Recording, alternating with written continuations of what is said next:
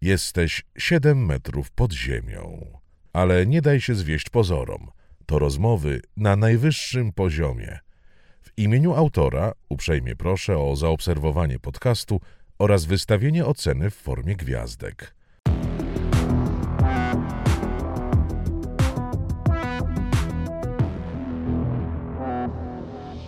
Siedem metrów pod ziemią. Rozmawia Rafał Gębura. Cześć Janko. Dzień dobry, Rafale.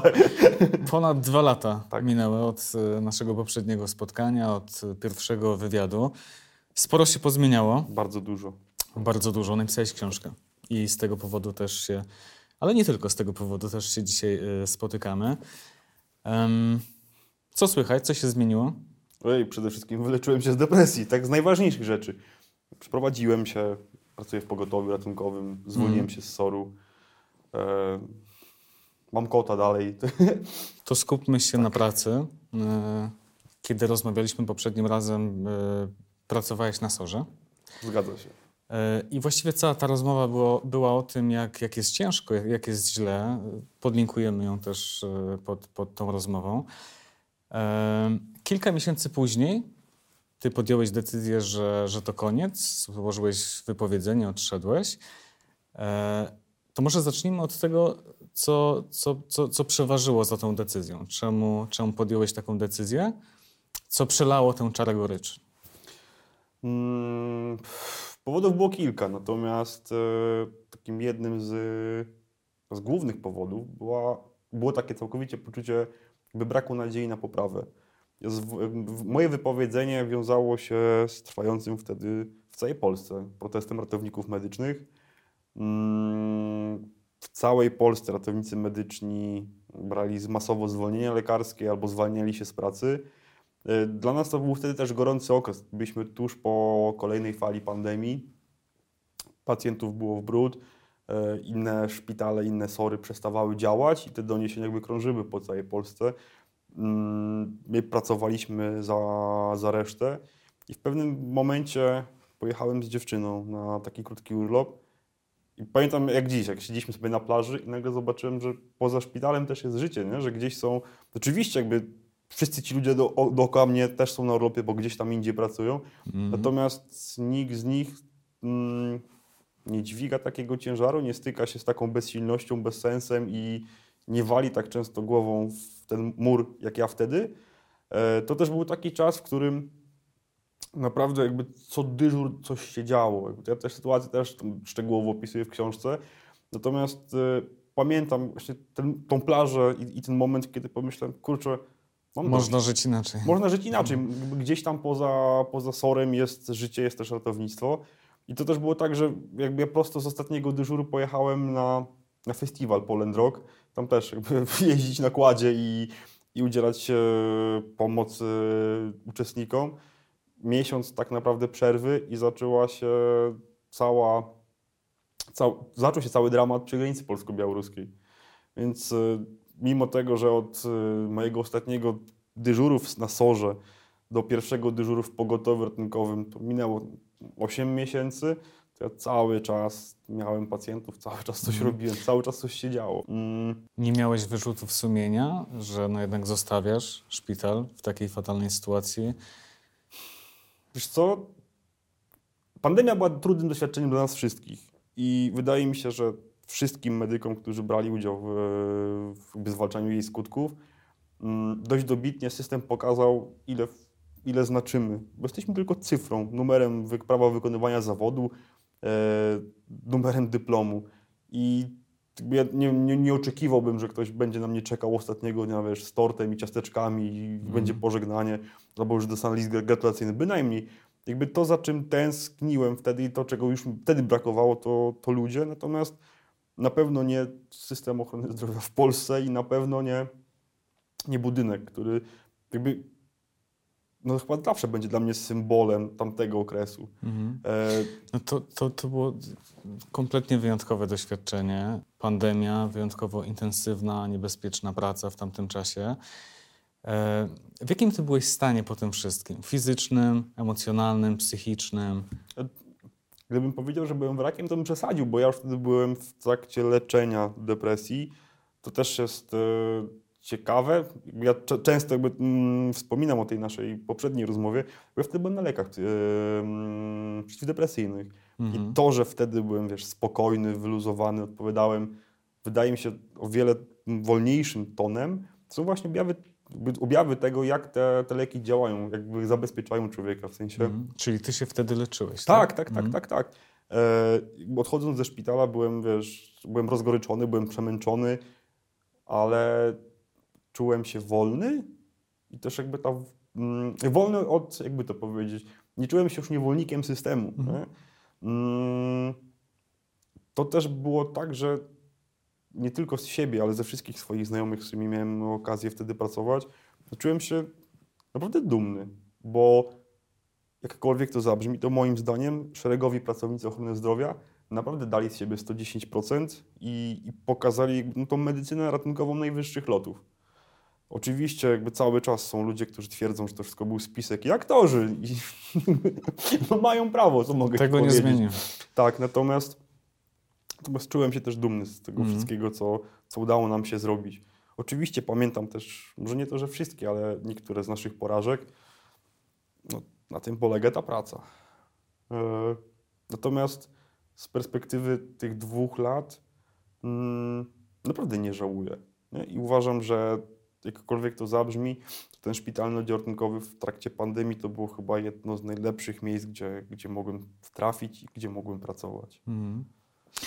Co nie zmienia faktu, że jednak odchodząc, tak jak wspomniałeś, czułeś silne rozgoryczenie. E, A pojawiały się takie myśli, żeby na przykład zmienić zawód? żeby robić tak, coś kompletnie innego? tak. Jakby to, Miałeś jakiś plan na siebie wtedy?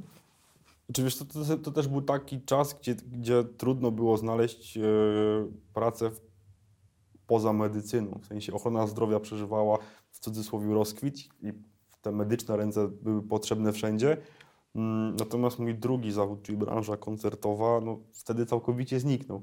Natomiast, no, jak mówiłem wcześniej i wielokrotnie to podkreślałem, ja w życiu robiłem różne rzeczy, od wiesz, odkładania płytek przez szorowanie kibli i gdyby trzeba było, to, to Mhm. bym to po prostu robił. Natomiast e, no, na całe szczęście udało się trzymać tego wyuczonego zawodu, czyli być cały czas w tym ratownictwie medycznym. Natomiast to, wiesz, wielu medyków o tym mówi, że to jest trochę taki toksyczny związek, że mamy świadomość tego, jak ta praca niszczy nasze życie i czy zatruwa nasze umysły, mm, a mimo wszystko sami decydujemy się o tym, na to, żeby codziennie przyjść do tej pracy, przebrać się e, i cały czas robić to, co lubimy robić, bo jakkolwiek to zabrzmi, to nas nikt tam na siłę nie wysyła. Nie? Mhm. To, I to świadczy tylko i wyłącznie o tym, że chcemy to robić. Jeżeli ktoś nie chce pracować w pogotowiu ratunkowym, nie chce pracować na sorze, no to szczególnie teraz, kiedy już wszystko jest znowu otwarte, opcji jest naprawdę wiele. Mhm. Tak jak dzisiaj patrzysz już z dystansem na, na, tamte, na tamte wydarzenia, na tamten czas, na e, tamtą Twoją pracę. em, jak bardzo Cię to zmieniło, powiedz? E, czego Ty się nauczyłeś, co Ty zyskałeś poprzez to doświadczenie, e, a czego Cię ono pozbawiło? Mm, Pozbawiło mnie złudzeń. Złudzeń, jeżeli chodzi o. Jakkolwiek to teraz zabrzmi, o możliwości kompensacyjne naszego państwa w sytuacjach kryzysowych. Co to znaczy? Wiesz, nikt nie spodziewał się ani pandemii, ani tego, że wybuchnie wojna w Ukrainie, ani tego, że nagle przy naszej granicy będą uchodźcy z całego świata. I na, we wszystkich tych sytuacjach okazywało się, że to nie państwo i jego struktury reagowały, Mhm. tylko ludzie, pospolite ruszenie. Tak samo było przecież w pandemii, gdzie te pierwsze maseczki to szyły nam e, na przykład panie z gospodyń, e, z koła gospodyń e, wiejskich. Tak, sam, e, tak samo było w, na początku wojny w Ukrainie, gdzie na początku to pospolite ruszenie i, i sami Polacy zaczęli działać. Więc jakby ja nie wierzę w to, że w razie wystąpienia jakiegokolwiek kryzysu, czy będzie następny kryzys zdrowotny, czy to będzie kryzys energetyczny, cokolwiek, że, że ktoś przyjedzie i mi pomoże. W Mhm. cudzysłowie, mi jako obywatelowi. Natomiast nauczyłem się bardzo dużo o, o swoich granicach. Mhm. o tym, gdzie są moje granice, ile rzeczy mogę wytrzymać, ile rzeczy mogę wziąć na klatę i nie wybuchnąć, Mhm. a, ale też o tym, jaki jestem, kiedy wybuchnę. Nie? E, nauczyłem się,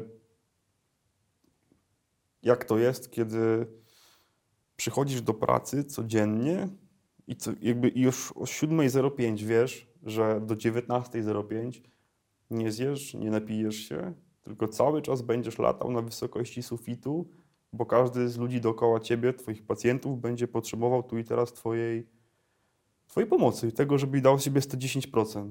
Nauczyłem się tego, jak wygląda zmęczenie, które uniemożliwia ci powrót do autobusu. Sam miałem takie dyżury, gdzie y, że na dyżur przyjechałem rowerem. Eee, Wracając z niego przyjechałem 300 metrów. Ze zmęczenia wybuchnąłem płaczem, zamówiłem Ubera do tego jeszcze większego, żeby wrócić do domu, bo nie byłem w stanie naciskać pedałów. Jakby nigdy wcześniej nie byłem tak zmęczony. Mm. Natomiast, e, no i oczywiście jakby no, tam było też wiele innych takich technicznych rzeczy, bo dla przykładu przed pandemią, wiesz, obsługa respiratora, kiedyś to wołajcie anestezjologa Mm. albo jakiegoś tam uczonego w piśmie. Teraz luz. Mm, Jeżeli, wiesz, mówimy chociażby o używaniu środków ochrony indywidualnej, my takie kombinezony, jakich, jakich potem chodziliśmy przez dwa lata, to ja na studiach to widziałem na filmie. Mhm. I o ile każdy, naprawdę każdy potrafi go ubrać, to problem jest ściągnięcie takiego kombinezonu i tego nikt nas nie uczył, sami się tego uczyliśmy. Mm, No i to też jest trochę tak, że jako medycy mamy ze sobą doświadczenie, które jakkolwiek to zabrzmi, to przyda się przy każdej następnej epidemii czy pandemii, bo to nie jest tak, że mamy ze sobą jedną i nasze pokolenie ma, ma to z głowy. Już za naszego życia było kilka epidemii, Mhm. no ta była jak na razie najbardziej dramatyczna. Mm, chyba tyle. Tam, To, to dosyć dużo rzeczy. to dosyć dużo rzeczy jednak. E, powiedziałeś o tym, że, że, że, że to był taki czas, że, że też pracując zdarzało ci się wybuchać. Pewnie nie tobie tylko.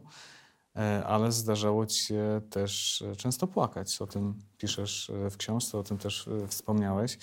No mnie też zdarza się w życiu płakać, ale na szczęście są to jednak rzadkie sytuacje. Tobie w tamtym czasie zdarzało się często. W jakich sytuacjach? Czyli tak, takim rzewnym płaczem, kiedy wiesz, poczułem, że już wszystko jest skończone, już przegraliśmy, jakby koniec świata i tak dalej, Mhm. to był dzień, w którym umarł Krzysztof Krawczyk. Naprawdę, jakby to, ja wróciłem do domu, otworzyłem, znaczy odpaliłem telewizor, dowiedziałem się, że Krzysztof Krawczyk nie żyje. Byłem wtedy w domu sam, zacząłem płakać, tak jakby, jakby już wszystko było skończone. Nie mam pojęcia dlaczego, ja nie jestem, nigdy nie byłem wielkim miłośnikiem jego muzyki, jakby znam też szlagiery jak każdy Polak. Mhm. Natomiast to był mnie taki moment przełomowy. Mm, nigdy wcześniej też nie, no nie płakałem ze zmęczenia. W sensie nie byłem nigdy tak zmęczony, że, że jedyne co dzieje się swoim organizmem, to, to płacz. Mhm. nie? E, no i wiesz, ja, ja też nie jestem typem gościa, który się rozkleja w, pra- w pracy. W sensie nawet jeżeli te emocje Nie buz- podejrzewałbym cię. Nie, jakby każdy ma swoje granice. Dlatego to dopytuję. Jasne, jasne. Mhm. No, tak jak śmieję się często gęsto w pracy, tak zdarza mi się wzruszyć. No, jak pierwszy raz, nawet nie to, że przyjęliśmy, bo nie, nie zdążyliśmy dojechać, a jak pierwszy raz zobaczyłem wiesz, dziecko, które przed sekundą się urodziło, no to też bym skłamał, gdybym powiedział, że się nie, jakby nie wzruszyłem. No, coś pięknego. Najpiękniejsza rzecz, jaką widziałem w pracy. Rzecz, no, najpiękniejszy człowiek. Mhm. Oj tak, Tak. oj tak, oj tak. Ale żebyśmy nie płakali Tak. tutaj, to powiedz mi, powiedz mi jeszcze, e, no chcę cię dopytać o te, Mhm. o te jednak momenty, y, kiedy też człowiek nie wytrzymywał w tym sensie, że, że, że wybuchał, tak? Czy to u mnie to się... Jakie to były sytuacje? Y, Pacjenci byli nie do zniesienia? Znaczy, wiesz co, to, to w tamtym okresie zdarzało mi się wybuchnąć. I to też o tym mówiłem wielokrotnie i, jakby, i w książce o tym piszę. I w ogóle to przy każdej rozmowie mówię o tej pacjentce i zawsze ją przepraszam, że kiedykolwiek to zobaczy. Bo kiedyś na SOR zgłosi, właśnie w, w środku pandemii zgłosiła się nad ranem dziewczyna z zapaleniem cewki moczowej, co jest bardzo bolesnym schorzeniem, natomiast to jest coś, co leczy się u lekarza rodzinnego, ewentualnie u ginekologa czy, czy urologa. No ale ona nie wiedziała, gdzie ma pójść. Yy, zgłosiła się na SOR, a ja byłem chwilę po bardzo dramatycznej reanimacji. Mhm. I, I to jeszcze było tak, że ta re- reanimacja się nie udała, tam nie chcę tu słuchaczom i widzom, że powiem, dzielić się drastycznymi szczegółami, natomiast to była jedna z najbardziej dramatycznych i dramatycznie wyglądających reanimacji czy resuscytacji w moim życiu. Mhm. mm, wychodząc z, z tamtego gabinetu, no, natknąłem się jeszcze na rodzinę, która w ogóle wzięła mnie za lekarza. Jakby zaczęli mi zadawać pytania, na które ja na, nawet, nawet gdybym chciał, to nie byłem w stanie na nie odpowiedzieć, bo byłem gdzieś zupełnie poza szpitalem w swojej głowie wtedy. E, zszedłem na dół, ta dziewczyna weszła i jak ja wybuchnąłem, zacząłem na nią krzyczeć, Mhm. wiesz, że to nie jest przychodnia, że co sobie wyobraża, że jest druga w nocy. No zachowałem się jak taka anegdotyczna baba z NFZ-u, nie? I wy, wyładowałem na, na nią całą swoją złość, całą swoją frustrację, co było nie dość, że nieprofesjonalne, to po prostu niegrzeczne i niemiłe. Natomiast było, jakby wynikało tylko i wyłącznie z Mhm. tego, ile się wtedy działo, nie?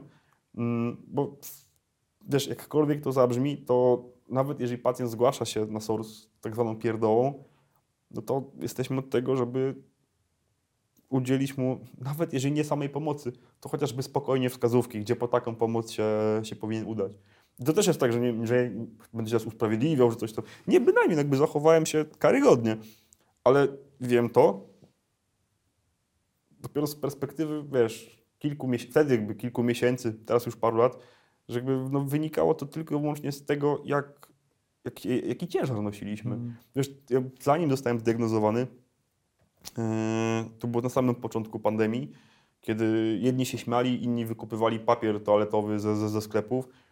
Yy, po jednym z cięższych dyżurów poszedłem do Lidla i pamiętam jakby starszą panią z gatunku tych raczej nieuprzejmych, nie? która uderzyła w mój, w mój wózek z zakupami. We mnie się wtedy zagotowało. Nie? Ja już widziałem oczami, oczami wyobraźni, jak, jak przegryza mi e, gardło. A to była tylko i wyłącznie złość i frustracja, bo to się zdarza, no przecież każdemu z nas zdarzyło się No patrzeć... przez wszyscy, inny- wszyscy jesteśmy Tak, tak. ludźmi. Tylko, że wiesz, ja tego nie miałem gdzie władować. Mhm. Nie? Bo, bo znów jakby nikt na studiach nie powiedział mi o tym, że jak zaczyna ci się gotować w głowie, to musisz iść po pomoc. Mhm.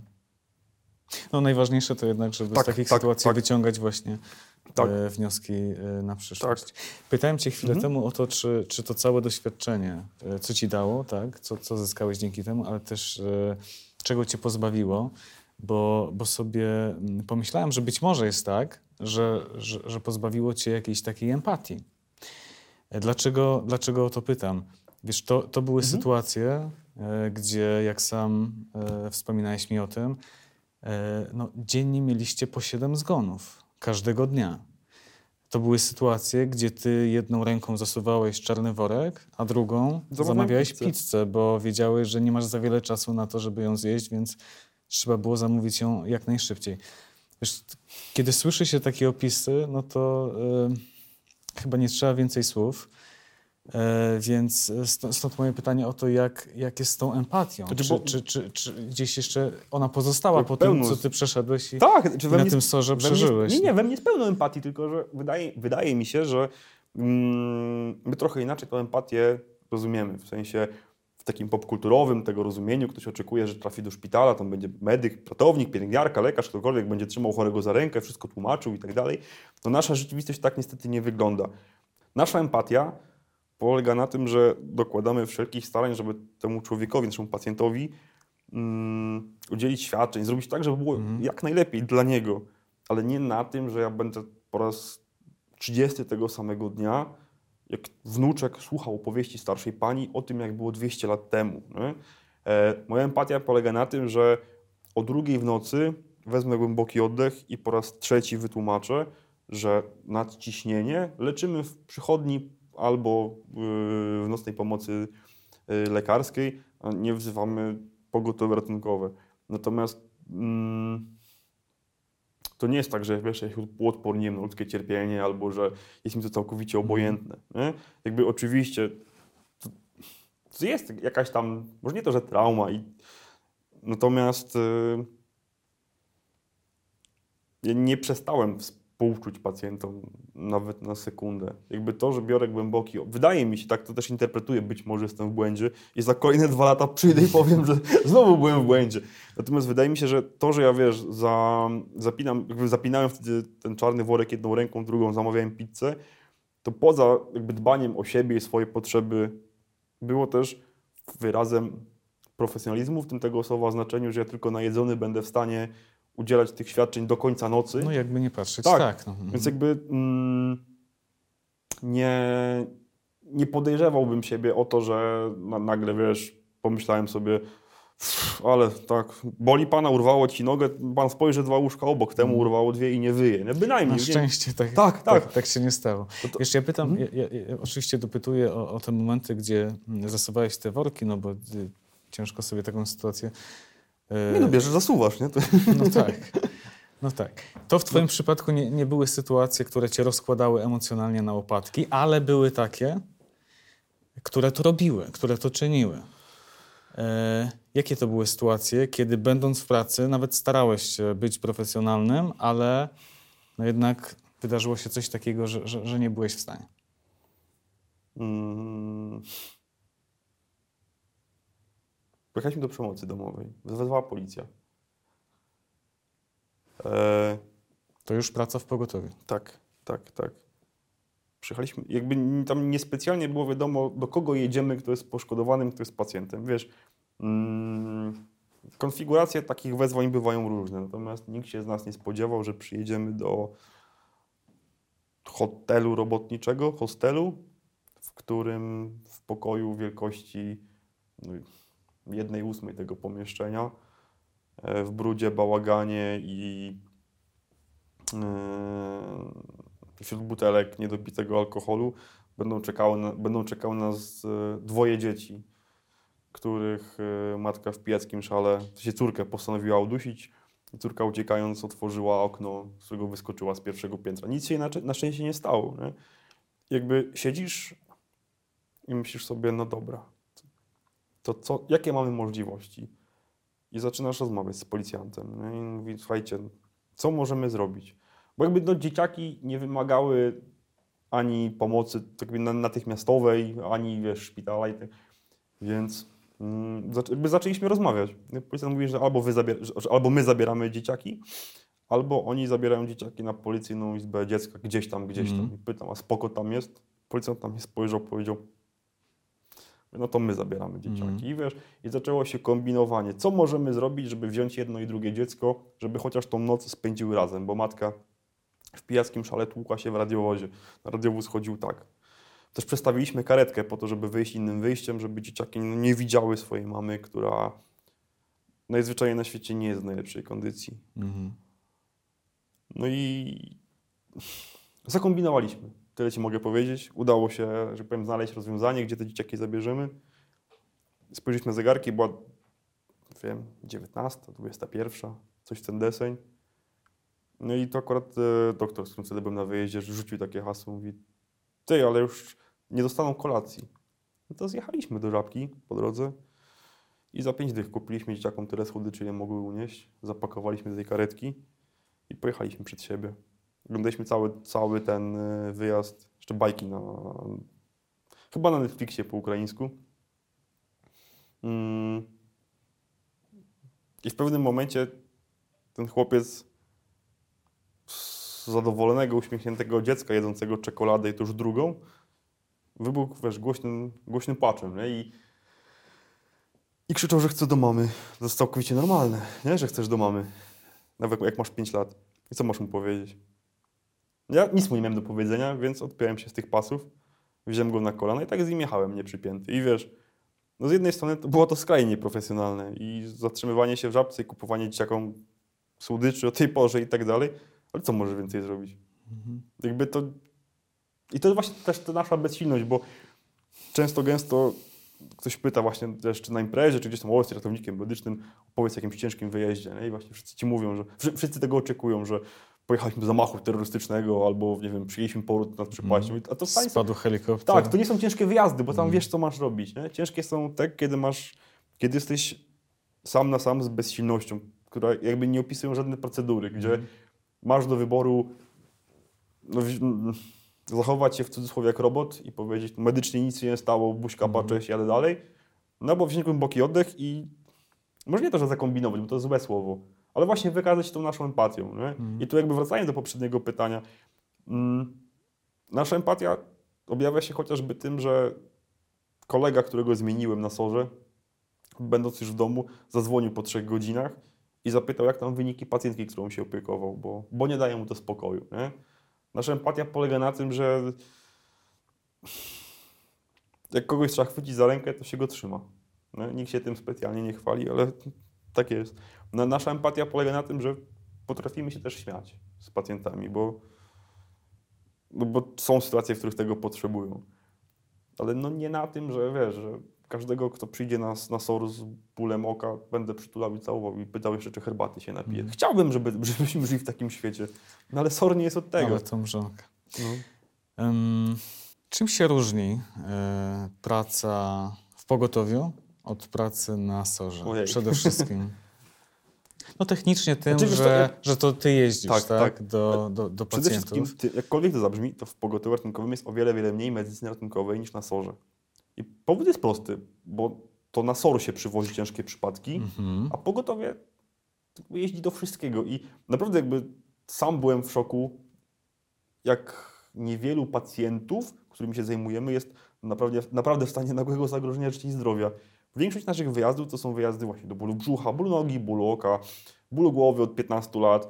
E, I znowu to jest bezsilność, tylko to jest ich bezsilność. Oczywiście jest jakiś tam procent pacjentów, którzy e, wzywają pogotowie ratunkowe z czystego wyrachowania, bo sąsiadka powiedziała, że karetką będzie szybciej na badanie. Mhm. Nie będzie. Natomiast e, gros tych ludzi to są ludzie, którzy odbili się od innych szczebli ochrony zdrowia. No i bezsilności zadzwonili pod 112. E, no i jedziemy i na podstawie, czy jakby na podstawie ich rozmowy z, z, z dyspozytorem medycznym, jakby padła ta decyzja, a my jedziemy i weryfikujemy. I nagle się okazało, Mhm. że no tak, rzeczywiście był postrzał w nogę, ale w 43 roku, a noga boli cały czas. Albo, no nie wiem, wzywa żona, która twierdzi, że ma, wiesz, jakieś zaburzenia pracy serca i wysokie ciśnienie i w ogóle kto kłóci się z mężem i mówimy, ok, to zbadamy panią i w badaniach nie wychodzi nic. W międzyczasie chwytamy ciśnieniomierz. Tam jest, w wielu ciśnieniomierzach jest funkcja zapisu odczytów. Więc sprawdziłem jej wszystkie odczyty z całego miesiąca, nigdzie nie było takich wyników. I- No i okazało się, że prawdopodobnie pani była z tych, które robią tak zwane sceny, przedstawienia. Mhm. No i I to jest, i to jest zdecydowana większość wyjazdów? Tak. Takie nie do końca uzasadnione tak, interwencje, tak, tak, Mhm. tak. Natomiast zdarza się. To nie demotywuje? No bo jedziecie ratować życie, a to ból brzucha. Wszystko, wszystko zależy od- od podejścia. W sensie to demotywuje, kiedy wieziesz yy,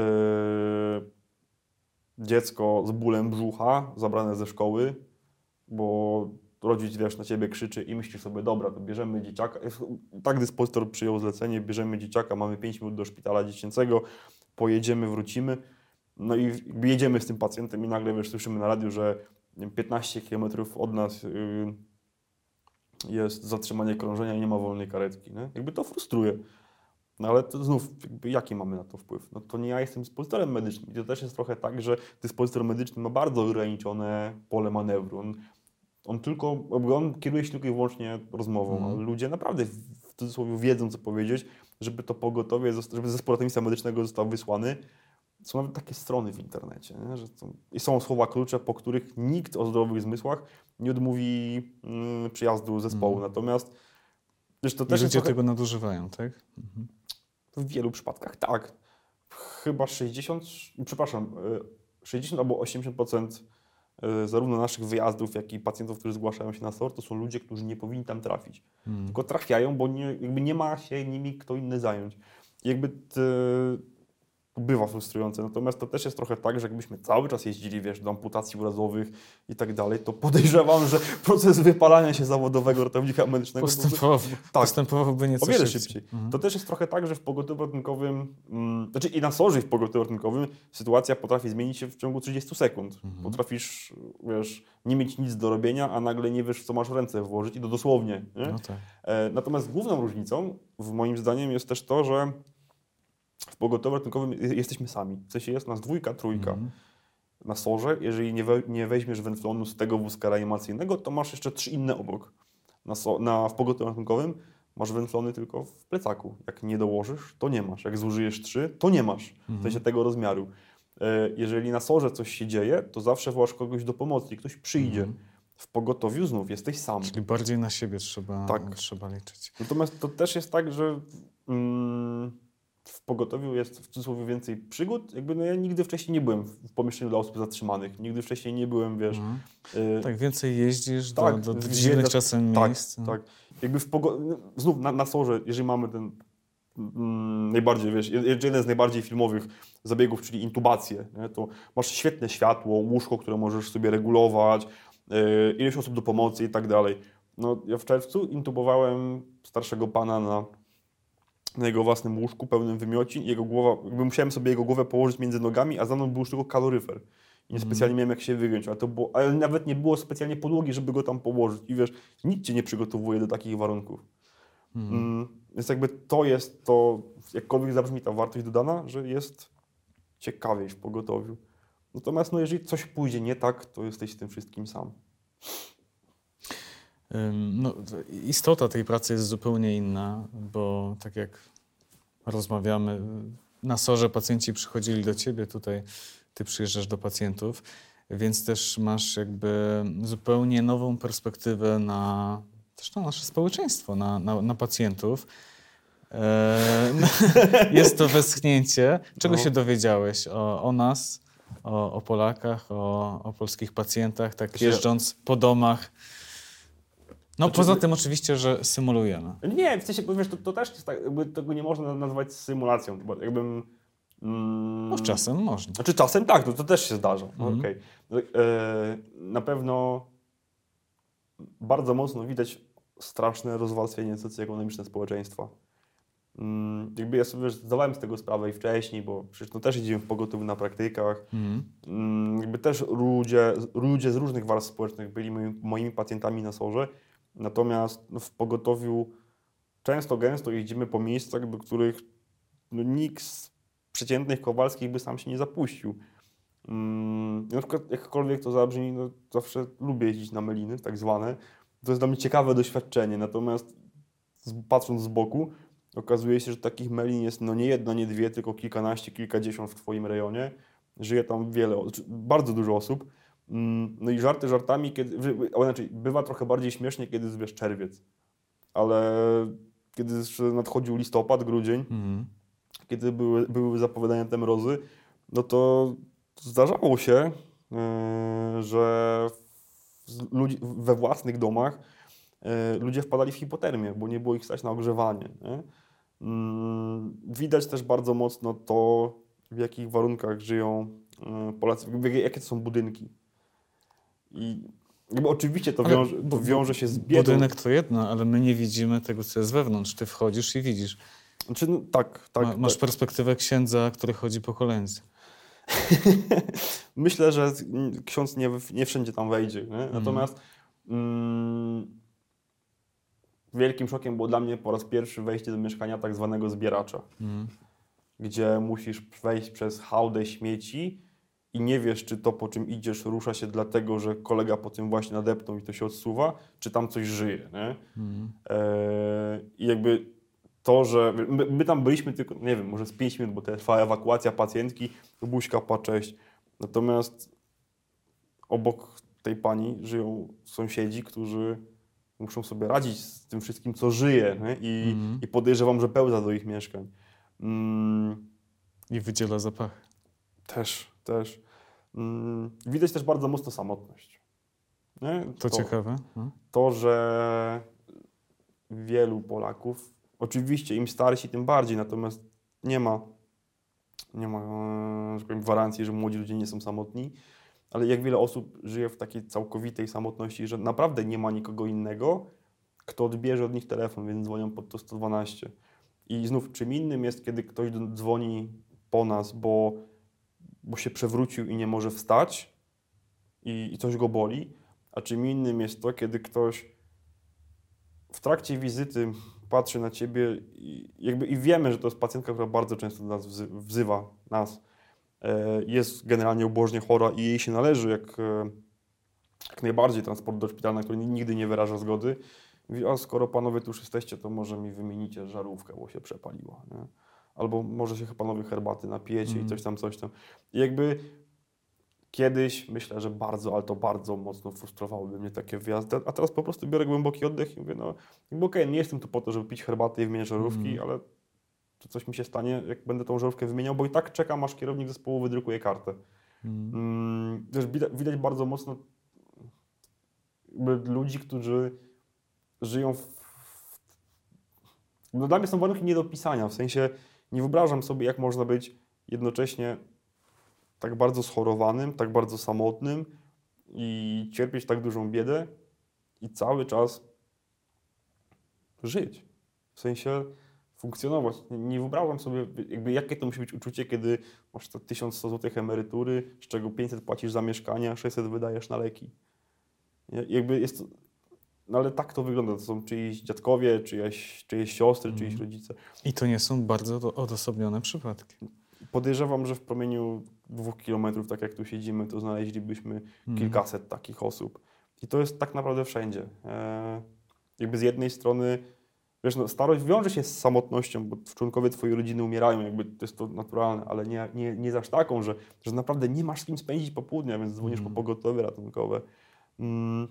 Wiesz, no, to też jest tak, tak że mm, odwiedzając ludzi w ich domach, trochę wchodzi się niejako w ich życie. Nie? I, I znów jakby tak jak nikt e, przeciętny nie ma okazji zobaczyć e, pomieszczenia dla osób zatrzymanych, tak nikt przeciętny nie ma okazji na przykład zetknąć się z rodziną, w której opiekuje, która opiekuje się kimś obożnie chorym i zobaczyć tego, jak taki proces leczenia czy proces chorowania wpływa nie tylko na pacjenta. Mm. Nie?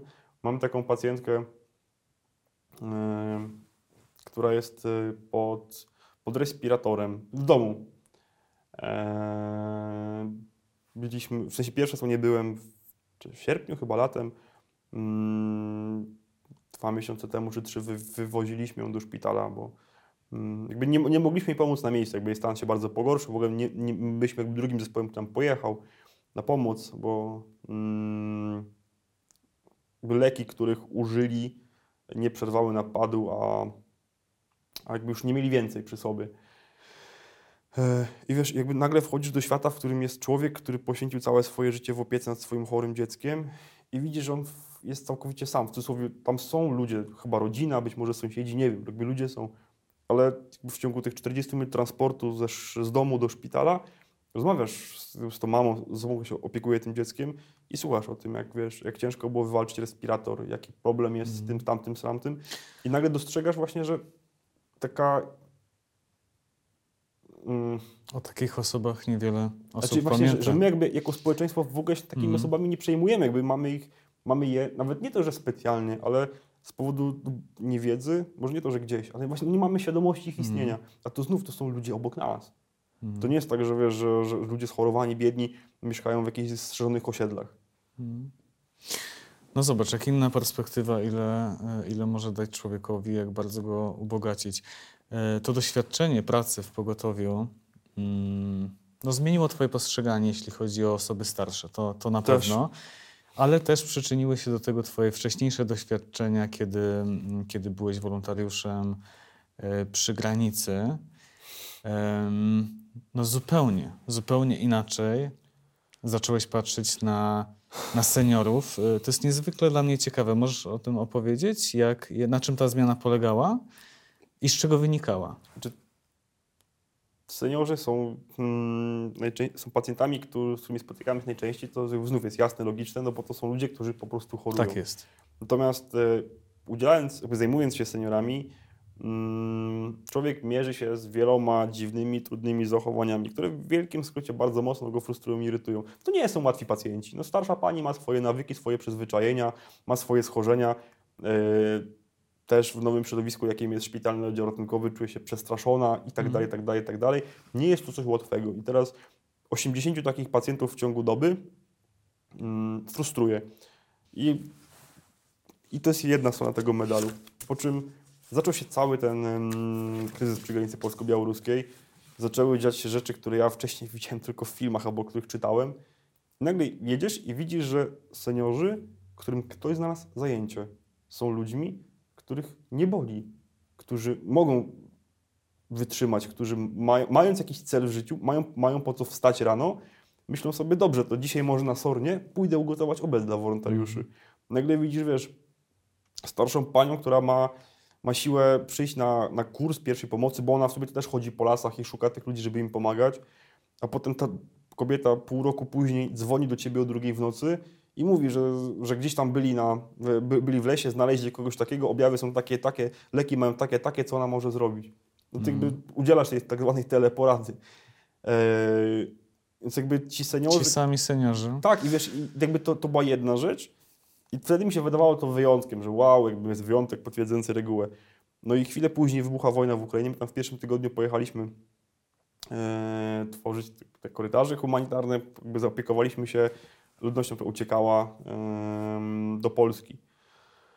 I nagle się okazało, że ci sami seniorzy, koła gospodyń wiejskich, wstają przed tobą, gotują zupę dla 80 osób, robią kanapki, wiesz, z 200 buchenków chleba i tak dzień w dzień, jak skończą gotować, idą razem z tobą do, do hal magazynowych, gdzie sortują leki, które notabene podarowane przez innych seniorów, na przykład z Niemiec, e, na takie, takie i, i tamte. I jakby wszędzie widzisz tych ludzi i to są to dosłownie moi pacjenci, tylko ci ludzie mają zajęcie, mają cel, ktoś, są komuś potrzebni, ktoś się nimi interesuje i, i dają z siebie, bo mają bardzo dużo do dania z siebie, Mhm. nam wszystkim. Po czym znów w tym pogotowiu jeździsz do ludzi, którzy, którzy nie mają rano po co wstać, którzy, których my jako społeczeństwo nawet nie, nie chcemy dostrzec, nie chcemy Mhm. wykorzystać ich ogromnego potencjału. Dlatego cię o to właśnie Mhm. dopytuję, bo, bo to są takie rzeczy, które jednak wydaje mi się dają dużo do myślenia. Bardzo dużo, Mhm. bardzo dużo. W sensie e, mi to też bardzo mocno zmieniło perspektywę postrzegania mm, też jakby siebie samego. Nie będziemy wiecznie młodzi. No. Mam nadzieję, że dożyjemy sędziwego wieku w zdrowiu.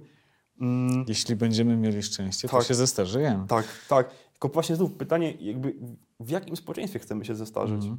Bo jakby, o ile no nie chciałbym może w wieku 80 lat hasać po lasach i, i ratować uchodźców, to chciałbym żyć w społeczeństwie, w którym kiedy będę miał te 80 lat i się przewrócę, to przyjedzie ktoś poza pogotowiem, żeby mnie podnieść. Mhm. Albo będzie, wiesz, będzie opcja, będzie możliwość tego, że ktoś zagospodaruje moją wiedzę, umiejętności, czas, cokolwiek, że będę potrzebny mimo tego, że mam 80 lat, a nie będę tylko kimś, kto przeszkadza albo przychodzi na soro drugiej w nocy, bo nie może zasnąć. Chociaż mamy takie wyjazdy też w pogotowiu. No, rodzina wzywa, babcia chodzi i nie może spać. Przyjeżdżamy, pani mówi, no tak, no wypijam kawę, nie mogę spać. No dobra, zaparkujmy temat seniorów. Mhm. Powiedz mi jeszcze e, jedną rzecz, e, nie mniej ciekawą. Dlaczego ty, jeżdżąc w pogotowiu, jeździsz do pacjentów z gazem pieprzowym? Ojej, wiesz co? O co chodzi? mm, Zdarza się często, gęsto, że nasza praca bywa niebezpieczna. W sensie to nie jest tak, że na każdym turze spotykamy się z agresją, natomiast wchodząc w różne miejsca, w różne dziwne sytuacje, reakcje ludzi mogą być też różne. Mm, jak miałem kilkukrotnie, może w pogotowiu mniej, natomiast na sorze miałem okazję mm, pacyfikować pacjentów, którzy byli najwyżej na świecie agresywni, rzucali się na innych pacjentów, na nas, zniszczyli sprzęt i tak dalej. E, I to też jest tak, że mm, jakby my nie jesteśmy od tego, żeby wiesz, zaprowadzać pokój i porządek w, w miejscu, do, do którego przyjeżdżamy. Nie jesteśmy od tego, żeby rozwiązywać rodzinne problemy i tak dalej. Natomiast jesteśmy od tego, żeby człowiekowi, który jest w stanie nagłego zagrożenia życia i zdrowia, udzielić tej pomocy w sposób bezpieczny. I to bezpieczeństwo ma wiele wymiarów. I teraz znów jakby ktoś pomyśli sobie, a my tam jedziemy, wiesz, będziemy ludzi gazować. Bynajmniej. Zdarza się też, i ja miałem taką sytuację, yy, że w cudzysłowie problemem nie jest człowiek, tylko zwierzę. Mhm. Kilka tygodni temu, kilka miesięcy temu pojechaliśmy do, mm, do mieszkania, w którym był w ogóle młody facet, e, wymagający jak najbardziej naszej pomocy. Był w ciężkim stanie. Mieszkanie znów też było no, wielkości kawalerki, tam były dzieci, teściowa, no i dwa amstafy. Mhm. No i te dwa A amstafy... ty ze- wchodzisz na pomarańczowe. tak, jakby wiesz, działamy przy tym człowieku, tą stafę udało się zamknąć w łazience. Działamy przy tym pacjencie, mamy go ewakuować i nagle, wiesz, amstafy wyskoczyły z łazienki. Zrzuciłem plecak reanimacyjny, wyciągnąłem gaz i sekundę przed tym, jak ten pierwszy amstaw przekroczyłby tą cienką czerwoną linię, którą narysowałem sobie w głowie na podłodze, właścicielce udało się go złapać na smyczy.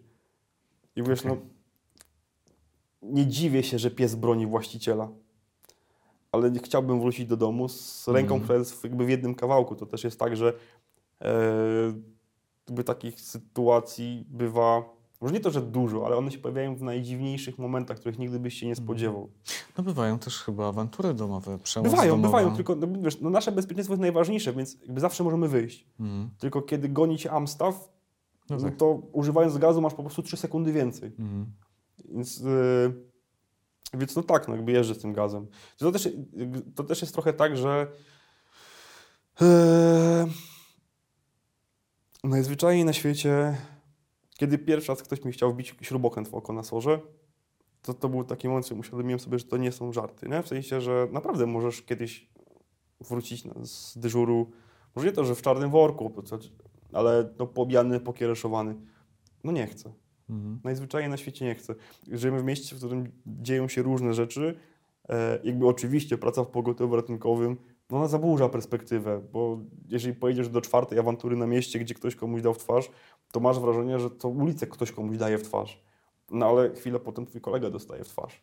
Mhm. I myślisz sobie, no kurczę, znowu, ja tak nie chcę. Nie? Mm, natomiast kilka razy miałem okazję go użyć i to działa. Naprawdę działa. I to, to nie jest tak, że wiesz, potem wracam na chaty i mówię, kochanie, ale jestem z siebie dumny. Bynajmniej. Natomiast cieszę się, że, że wróciłem w jednym kawałku z dyżuru. Janku, jesteś e, zwolennikiem prawa do eutanazji. Tak. Uważam, A. że każdy człowiek powinien mieć prawo wyboru. Czy, czy takie przekonania to jest właśnie skutek tego, efekt tego, pokłosie tego, że, e, że jesteś ratownikiem? Uważam, że moim zdaniem każdy medyk pracujący z osobami obłożnie nieużalnie chorymi i my też czasami z takimi pracujemy, mm, bardzo szybko staje się zwolennikiem wyboru. Bo to nie jest tak, że tylko ja w całym, wiesz, w całej Polsce jestem. Bynajmniej uważam, że zdecydowana większość e, medyków w Polsce jest zwolennikami prawa do eutanazji, e, bo eutanazja to, to jest godna śmierć na swoich warunkach. Są ludzie, którzy są ludzie, którzy są leczeni na siłę do samego końca i to leczenie nie ma szansy poprawy, przynosi ogromny ból i tak naprawdę przedłuża tylko agonię. No ale nie mają możliwości ani też siły samemu zade- zadecydować o tym, że to już ma być ten koniec. E, I tak jakby po tym wszystkim, co miałem okazję widzieć na SOR-ach, e, pracując przez moment na oddziale e, intensywnej opieki medycznej, i w pogotowiu ratunkowym jak najbardziej jako obywatel Mhm. chciałbym mieć wybór, jak zakończę swoje życie, kiedy będę nieuleczalnie chory, bo to też jakby nie jest tak, że, że ktoś, kto ma go, że moim zdaniem ktoś, kto ma gorsze życie, nie powinien móc przyjść do lekarza rodzinnego i powiedzieć dawaj. Powinno być, żeby, uważam, że człowiek powinien mieć możliwość podjęcia decyzji, że, on jakby, że to jest jego ostatni dzień, że już nie chce dalej walczyć, bo nie możemy wymagać od chorych ludzi, cierpiących ludzi heroizmu. Cierpienie nie uszlachetnia. To Mhm. jakby nie jest tak, że cierpienie Niezła bójda, co? zdecydowanie, jakby już cierpienie ma tylko jeden, jedyny plus i to tylko przez, przez, przez krótką chwilę. Jak cię boli, to znaczy, że żyjesz, tylko że jak już Mhm. pogotowie przyjechało, to macie nie boleć. No? No dobrze, co z tym argumentem e, żelaznym, że, że, że to nie człowiek powinien podejmować decyzję o tym, kiedy życie się kończy? To może być odpowiedź. Nie, bynajmniej w sensie mm, to niech w przypadku tych ludzi to nie człowiek podejmuje tę decyzję. Bo, bo fajnie się tym, wiesz, mówi, kiedy siedzimy sobie tutaj, fajnie się tym mówi tym ludziom, kiedy siedzą u siebie w domu, fajnie się tym wszystkim czyta i tak dalej. Natomiast chorowanie, umieranie i cierpienie wcale nie wygląda tak, jak nam się wszystkim wydaje. Oczywiście są ludzie, którzy walczą do samego końca, walczą o każdy oddech, trzymają się tej strony rzeki Styx jak najdłużej, jak najbardziej. I jeżeli chcą, jeżeli taka jest ich wola, uważam, że powinniśmy jako cały system walczyć o każdą sekundę, bo to jest ich wola jako pacjentów. Natomiast, tak jak mówiłem wcześniej, to są, jeżeli człowiek niewyobrażalnie cierpi, jeżeli dusi się, jeżeli wiesz, nie jest w stanie nawet podrapać się po nosie, jeżeli fragmenty jego ciała gniją, jeżeli nie jest w stanie nawet oddychać, boli go całe ciało, jest zmęczony, to jaki jest sens przedłużania tego cierpienia? Jakby, jeżeli ktoś odnajduje w tym sens, no to jestem co najmniej przerażony tym, gdzie on tego sensu szuka. Mhm. Wiesz, to, to jest tak, jakby ja rozumiem różne naleciałości kulturowe, rozumiem obawy e, ludzi o jakby nadużywanie tego wszystkiego, to by okej, okay, tylko zacznijmy o tym rozmawiać jako społeczeństwo, bo naprawdę nie chciałbym umierać na sorze, ale jeszcze bardziej nie chciałbym, żeby, jeżeli okaże się, że jestem nieuczalnie chory, to żeby ktoś sztucznie przedłużał to, co i tak nieuniknione. Bo najzwyczajniej na świecie nie. I to jest moja wola. I znów, mm, jeżeli myślę sobie o tym, że byłbym, wiesz, skazany na uporczywą terapię, albo na kogoś, kto będzie podtrzymywał nawet nie to, że umysł, bo zdarza się, że mózg umiera zdecydowanie wcześniej, zanim umrze ciało, ale samo ciało tylko ze strachu przed prokuratorem albo jakąś odpowiedzialnością, to, no to jestem przerażony. Najzwyczajniej na świecie jestem przerażony, bo jakkolwiek to zabrzmi, wszyscy kiedyś umrzemy i moment, w którym się z tym pogodzimy i zaczniemy o tym myśleć, jest przynajmniej w mojej ocenie momentem bardzo oczyszczającym, ale kiedy już się oczyścimy, to fajnie jest zacząć rozmawiać o tym, jak chcielibyśmy, żeby to wszystko wyglądało. Skoro żyjemy w państwie, które nie jest w stanie zapewnić hospicjów domowych każdemu, kto potrzebuje, skoro żyjemy w państwie, w którym wiesz, y, czeka się na tygodniami na miejsce w DPS-ie, czy nawet na to, żeby pielęgniarka środowiskowa cię odwiedziła. Czyli żyjemy w państwie, które nie jest w stanie zaopiekować się wszystkimi mm. swoimi obywatelami, to dajmy odejść tym, którzy chcą odejść. Okej. Okay. Um, często spotykasz się z, z jakimś takim zarzutem, że opowiadając o tym, jak, jak wygląda polska ochrona zdrowia, e, polski system, e, zniechęcasz ludzi do tego, aby zostawali ratownikami? Bynajmniej, właśnie, właśnie wręcz przeciwnie, w sensie często gęsto Yy, że, znaczy, jedyne zarzuty, jakie dostaję, to są zazwyczaj te polityczne. Mhm. Natomiast, że jak tak mogę atakować tych albo tamtych? A ja po prostu atakuję wszystkich. Natomiast jeżeli chodzi o, o zawód, bynajmniej wiele osób pisze, Ej, Janek. Że zachęciłeś ich, tak? Tak, albo na przykład dzięki tobie wiem, że to nie jest dla mnie. W sensie wydawało mi się, że jest tak, tak albo tak, ale jakby no, nie chcę, bo mam, mam na ciebie inny pomysł i uważam, że to jest coś super, bo nasze zawody, czy zawody medyczne są wszystkie zawody tak zwane misyjne są pokazywane w mojej ocenie w takim trochę krzywym zwierciadle, wiesz, o lekarzach, policjantach, strażakach, ratownikach. Pisze się książki, kręci się filmy, no i no tak działa kultura, że na podstawie mhm. tej, mm, tych źródeł jakby mamy swoje wyobrażenia. Tylko rzeczywistość taka nie jest. I naprawdę są ludzie, którzy wiesz, przebrnęli przez czata ratownictwa albo przez 6 lat y, studiów lekarskich, zaczęli pracę i dopiero wtedy zrozumieli, że oni wcale nie chcą być lekarzami, ratownikami, pielęgniarkami. Mm, no to pytanie, co jest lepsze? Człowiek, który jakby podjął decyzję o tym, że szuka innej drogi wcześniej, mhm. czy człowiek, który wiesz, poświęcił tyle czasu, e, siebie, tyle wyrzeczeń i zrozumiał, że on wcale nie chce tak, e, tak funkcjonować. To też jest trochę tak, że mm, wydaje mi się, że na takim poziomie popkulturowym razem z innymi ratownikami medycznymi w, w internecie, w różnych mediach społecznościowych udało nam się z jednej strony odczarować ten taki etos, wiesz, etos ratownika medycznego, jakiego, jakiego, jako twardziela, który, że tak powiem, ma nerwy ze stali, zawsze wie co robić i pokazać, że też jesteśmy ludźmi. E, udało nam się wszystkim pokazać, że to jest trudna, ciężka, brudna, czasami śmierdząca praca, ale jednocześnie Mm, udało nam się pokazać, że z tego wszystkiego można czerpać przyjemność, bo wiesz, jakby nie tylko ja piszę książki o ratownictwie, nie tylko ja jestem medykiem aktywnym w sieci, jest tam nas całkiem spora zgraja, coraz większa i uważam, że to jest super, bo, bo dzięki temu ten zawód wybierają ludzie, mm, czy mają szansę wybrać go ludzie, którzy wcześniej zobaczyli, jak, jak wygląda rzeczywistość. Mm, z czym to się je? Że jakby, no, zdarza się, wiesz, przyjąć poród, czy ogarnąć pacjenta, który spadł z 2,5 metra na beton, ale częściej będziesz jeździł do nadciśnienia ale to też jest fajne, bo na przykład na pacjentach, którym nic nie jest, możesz nauczyć robić USG, bo to mhm. jest pacjent, który jest zdrowy, więc tam będziesz miał, że tak powiem, te, czy tam, tam jest największa szansa, że niczego nie znajdziesz. A jak już zobaczysz, jak wygląda zdrowy człowiek, to potem na tych chorych widzisz o wiele, wiele lepiej. I tak dalej, i tak dalej. Natomiast yy, chyba mało kto twierdzi, że, yy, że zniechęcam. I całe szczęście. Cieszę. Znaczy, każde, każdego, kto szuka ciekawej pracy, zachęcamy. Naprawdę. To może z tym zostawmy. Dobrze. Wszystkich na koniec.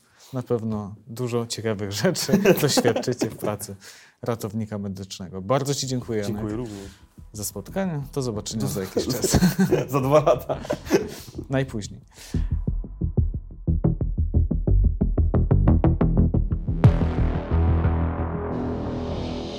W imieniu autora dziękuję Państwu za uwagę. Zachęcam również do zaobserwowania podcastu oraz wystawienia oceny w formie gwiazdek. Do usłyszenia kolejnym razem.